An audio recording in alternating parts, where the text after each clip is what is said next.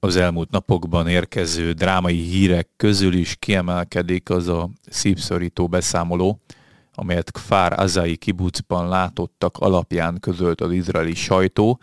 Ez szerint csak ezen a települések száz holtestet találtak az izraeli katonák, köztük számtalan gyermeket, csecsemőt, akik közül többeket egyszerűen lefejeztek a Hamas kegyetlen terroristái. A hírt aztán a nemzetközi sajtóban először lehozták, majd mindenhol igyekeztek azt megcáfolni, a Fehér Ház még a saját elnökét is megszégyenítette, amikor erről beszélt. Aztán kiderült, hogy a hírek igazak. Valóban csecsemők megcsonkított holtestére bukkantak, és ezt több szervezet és szemtanú is megerősítette. Üdvözlöm Önöket, a mikrofonnál Kulifai Máté. Ebben a podcast sorozatban rendkívüli cikkek és hírek hátterét igyekszem megvilágítani. Ha kíváncsi a folytatásra, kérem iratkozzon fel a YouTube csatornára, és állítsa be az értesítéseket a csengőgomb megnyomásával. Épp észszel felfoghatatlan mészárlást követett el múlt szombaton a Hamas nevű palesztin terrorszervezet ártatlan civilek, idősek és egészen pici babák ellen is.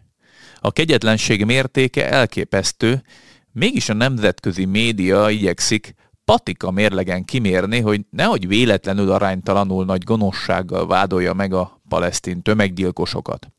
Ezúttal az a hír volt terítéken, mely szerint egy kibucban kis csecsemőket fejeztek le a Hamas Izraelbe beőzönlő terroristái.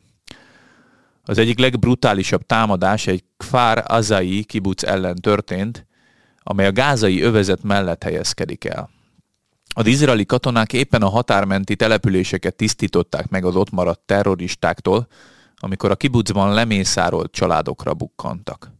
A gázai határtól két kilométerre levő kis községben a helyieknek szinte esélyesen volt, a mészárlás válogatás nélkül szinte mindenkit utolért. Az egyik túlélő egy biztonságos, zárható óvóhelyen vészelte át a támadást, állítása szerint az öccsének végig kellett hallgatnia, ahogyan éppen megölik az anyját.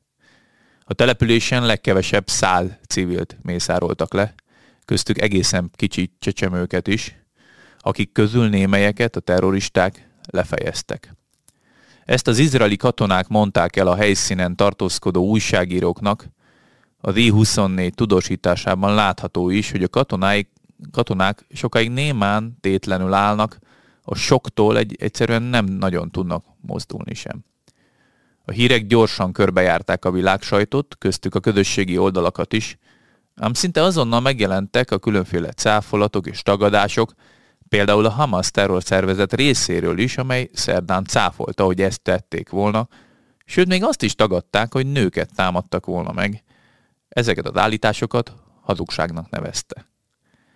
Ennek ellenére az izraeli kormányfő is erről adott hírt, sőt még Joe Biden amerikai elnök is azt állította a beszédében, hogy nem csak eljutottak hozzá ezek a hírek, de látta is az erről készült fotókat. Joe Biden amerikai elnök az amerikai zsidó szervezetekkel való közös találkozóján fogalmazott úgy, hogy sosem gondolta volna, hogy megerősített képeket fog látni terroristákról, akik gyerekeket fejeznek le. Állítása szerint olyan jelentések jutottak el hozzá, amely szerint akár 40 csecsemőt is lemészárolhattak a hétvégén a gázai övezet közelében. A kijelentése nagy vihart kavart, ezért a nemzetközi média kérdőre is mondta a Fehérház szóvivőjét, hogy valóban eljutott-e ilyen kép az elnökhöz, mire tisztázás született, hogy sem az elnök, sem az amerikai tisztviselők nem láttak ilyen képeket, és azt sem tudták előre megerősíteni, hogy lefejezett csecsemőkről szóló jelentések vajon hitelesek-e.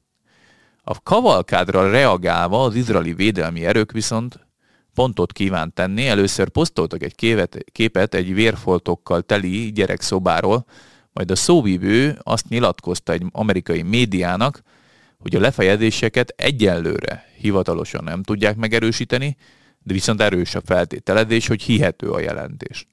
Kicsivel később viszont már az izraeli hadsereg is megerősítette, majd Yossi Landai, az izraeli Zaka önkéntes civil vészhelyzet elhárító szervezet tisztviselője nyilatkozta a CBS Newsnak, hogy konkrétan ő személyesen látta a lefejezett gyermekek és csecsemők holtestét.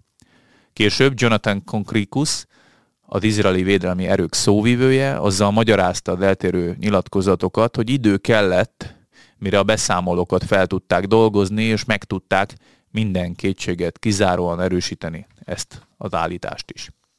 Állítása szerint számos szemtanú és a hatóságok is egyértelműen megerősítik, megtörténtek a bestiális, lefejezős gyilkosságok.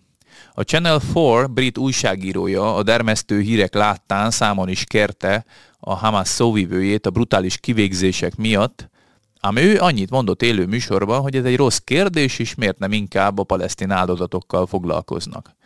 De a műsorvezető visszakérdezett, hogy indokolhatja-e bármilyen történelmi sérelem ártatlan civilek legyilkolását, de a szóvivő erre sem válaszolt, hanem azt mondta, hogy a palesztinok szenvedésével szerinte senki nem foglalkozik.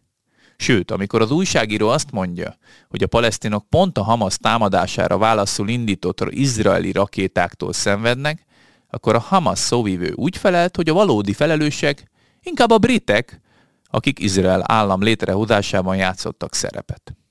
Ajánlom a figyelmükbe a hetek aktuális lapszámát is, amely ezúttal rendhagyó külsővel az izraeli események miatti szolidaritás jegyében kék-fehér színben jelenik meg. A címlapon a deklaráció, mi Izrael mellett állunk. A lapszámban természetesen kiemelten foglalkozunk az izraeli eseményekkel, személyes, tragikus és drámai történeteken keresztül mutatjuk be, hogyan érte a zsidó államot szombat reggel a brutális támadás sorozat, majd részletesen is beszámolunk arról a több ezer fős demonstrációról, amelyet a Hetek és a Hit Rádió közösen szervezett a Dunaparti cipőköz. Lapunk kérdésére válaszolt Éli Cohen, izraeli külügyminiszter is, valamint összeszedtük azokat a legismertebb és közkeletű hazugságokat, amelyek rendre elhangoznak Gázával és az izraeli-palesztin konfliktussal kapcsolatosan. De történelmi cikkünket is ajánlom, amelyben felelevenítjük azt a 3000 éves történetet, amikor a Bibliából ismert Dávid király először elfoglalja le Jeruzsálemet az ott lakó jebuzeusoktól.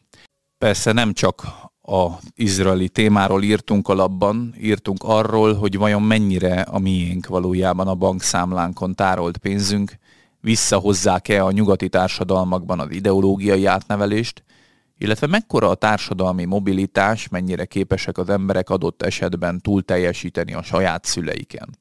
A lapot kérje az újságárusítóhelyeken, vagy rendelje meg hozzáférését a hetek.hu pere előfizetés oldalon.